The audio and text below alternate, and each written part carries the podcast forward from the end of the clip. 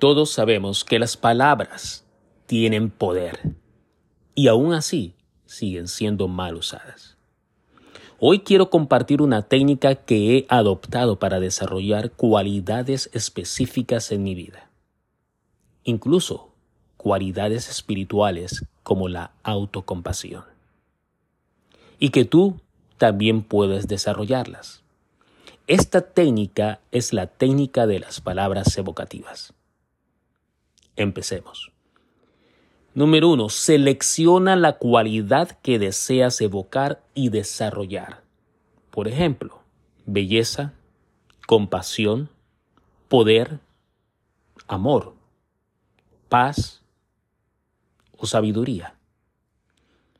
Número dos, toma una hoja o un pedazo de cartón y escribe la palabra en letra de imprenta. 3. Coloca la hoja o el pedazo de cartón en un lugar donde lo veas. 4. Trae conciencia a la palabra y cualidad deseada. Es una conciencia consciente.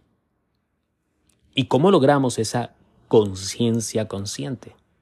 Bueno, asume un estado de relajación y observa la palabra por uno o dos minutos refleja en el significado de la palabra e incluso puedes escribir sobre ella en tu diario. Siente, sí, siente la cualidad que la palabra personifica o encarna.